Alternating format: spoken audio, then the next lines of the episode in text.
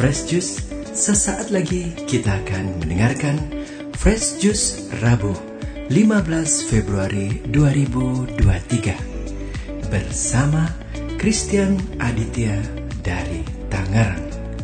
Selamat mendengarkan.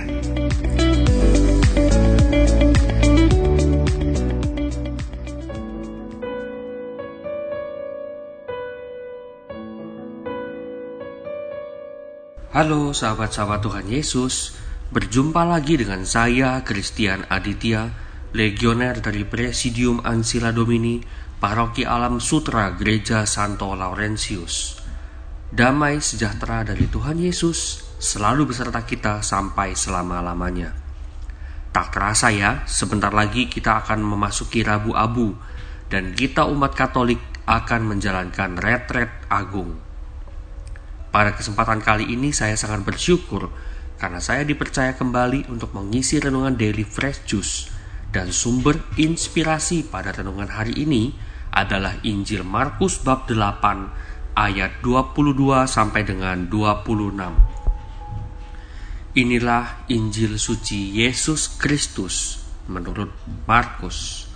Dimuliakanlah Tuhan. Pada suatu hari, Yesus dan murid-muridnya tiba di Betsaida. Di situ orang membawa kepada Yesus seorang buta dan mereka memohon supaya ia menjamah dia. Yesus lalu memegang tangan orang buta itu dan membawa dia keluar kampung. Lalu ia meludahi mata si buta dan meletakkan tangan di atasnya. Ia bertanya, "Sudahkah kau lihat sesuatu?" Orang itu memandang ke depan lalu berkata, "Aku melihat orang. Kulihat mereka berjalan-jalan, tetapi tampaknya seperti pohon-pohon yang berjalan." Yesus kemudian meletakkan tangannya lagi pada mata orang itu maka orang itu sungguh-sungguh melihat dan telah sembuh, sehingga ia dapat melihat segala sesuatu dengan jelas. Sesudah itu, Yesus menyuruh ia pulang ke rumahnya dan berkata, "Janganlah masuk ke kampung." Demikianlah Injil Tuhan. Terpujilah Kristus. Pernahkah kita berjumpa dengan teman atau saudara atau sahabat kita yang kelihatannya sudah sakit yang cukup parah, tapi dia juga nggak berobat? Nah, sebagai temannya atau saudaranya atau sahabatnya dari orang itu, kita berempati untuk menolong dia. Biasanya, uh, maksudnya umumnya ya, sikap kita adalah mengajaknya untuk berobat kepada dokter yang kita kenal manjur dalam mengobati penyakit yang dideritanya. Dalam memberikan bantuan ini, kita dihadapkan dengan dua respon. Ya, dua respon dari si sakit. Pertama, si sakit mau dan merespon positif. Atau si sakit skeptis dan bersikap acuh tak acuh pada kesembuhannya. Dengan kata lain, sembuh ya boleh, enggak juga enggak apa-apa. Nah, sampai pada tahap konsultasi dengan dokter. Ya. Dalam terjadinya kesembuhan bagi si sakit juga dihadapkan dengan dua kondisi. Pertama, si sakit antusias untuk menjalankan proses pengobatan atau si sakit malas-malasan dalam pengobatan. Ujung-ujungnya sembuh nggak? Sembuh. Tapi proses orang yang antusias dan mencari kesembuhan tentu akan lebih cepat karena dalam dorongan dirinya dia ingin sembuh. Kisah Injil hari ini Kira-kira saya coba gambarkan dengan perumpamaan cerita fiksi tersebut. Penginjil Markus dalam bab yang lain ada menuliskan kisah orang buta yang lain bernama Bartimeus. Sikap Bartimeus saat tahu Yesus melintas di dekatnya, ia berteriak-teriak memanggil Yesus. Bahkan sampai dihardik orang banyak, Bartimeus tetap ndablek, tetap berteriak. Semakin kencang dia berteriak, "Anak Daud, kasihanilah aku!" Lalu Yesus berhenti dan mukjizat pun terjadi. Pada Injil yang kita baca dan dengarkan hari ini, si buta harus dibawa oleh orang banyak untuk dihantarkan kepada Yesus. Dan orang-oranglah yang meminta kesembuhan bagi si buta.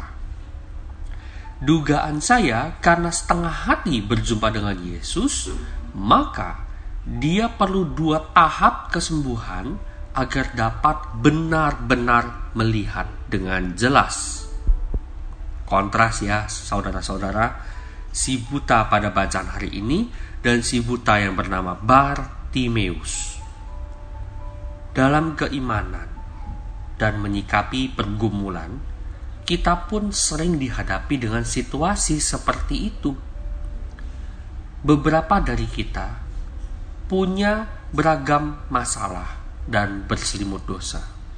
Kita berarti Anda dan saya. Kita tahu bahwa yang dapat memulihkan hidup kita hanya berserah pada Yesus. Maka kita sepenuh hati layaknya Bartimeus untuk berseru minta kesembuhan iman dalam hidup. Minta kepulihan iman.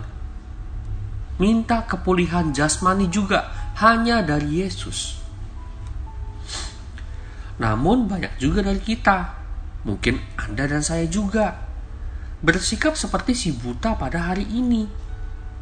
Tak ayal, dengan kita bersikap acuh tak acuh pada dosa dan kesalahan kita, serta meragukan Yesus untuk dapat memulihkan hidup kita, maka kondisi di mana kita ya sudah diberikan anugerah, tapi tetap saja kita merasa tidak mendapat apa-apa. Pergumulan sulit, khususnya materi dunia, membawa kita, tanda kutip, buta melihat bahwa kita telah dirahmati dan punya banyak anugerah yang nilainya lebih dari materi yang sedang kita kejar. Misalnya, saat kita sedang terjepit urusan ekonomi, fokus kita cenderung adalah bagaimana mendapatkan uang untuk penghidupan lagi Padahal kita sering tidak melihat jelas bahwa tawa anak-anak di rumah, istri dan anak-anak yang sehat, perhatian istri walaupun dia sosok yang tidak sempurna, nafas yang kita hirup itu adalah anugerah yang tidak dapat terbeli oleh rupiah. Pernah suatu kejadian, saya ingin sharing Bapak Ibu, di masa sulit yang saya alami, di masa saya tidak bekerja dan saya tidak lagi menikmati fasilitas kantor berupa kendaraan kantor. Kalau mau berpergian kami menggunakan sarana transportasi online. Ya. Sarana transportasi online. Kalau dilihat dari kacamata dunia, uang yang dikeluarkan menjadi beban. Tapi dalam pergumulan itu saya mencoba untuk melihat bahwa uang yang dikeluarkan itu adalah cara kecil Tuhan menjadikan saya sebagai saluran berkatnya di dunia. Mungkin pada saat kita mencarter taksi ataupun transportasi online lainnya. Si driver itu mungkin lagi ada kebutuhan kejar target, tambah setoran. Saya mencoba merefleksikan diri, merubah kacamata derita menjadi kacamata berkat. Mudah? Gak mudah Bapak Ibu. Saya butuh proses untuk berdamai dengan diri sendiri, untuk banyak-banyak bersyukur dengan Tuhan, dan bertobat. Itu yang penting. Bagaimana hati ini bisa diisi? Diisi dengan roh kudus tentunya. Bertobat. Pulihkan relasi kita dulu dengan Tuhan. Tidak ada relasi horizontal yang baik. Baik secara absolut, bukan baik yang semu. Kalau relasi vertikalnya tidak baik.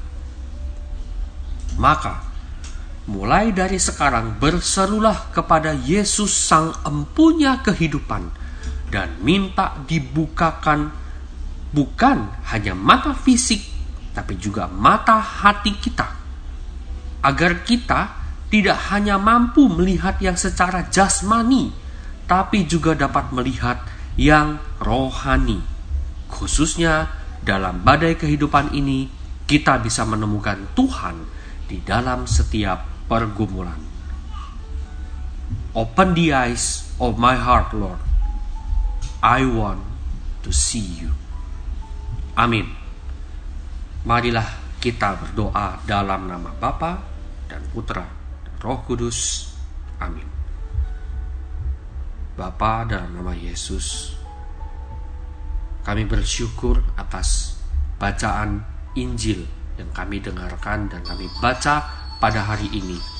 Terima kasih ya Bapa untuk segala kebaikan dan rahmat cintamu ini. Ya Bapa, kami bersyukur kepadamu karena dalam setiap pergumulan engkau ada.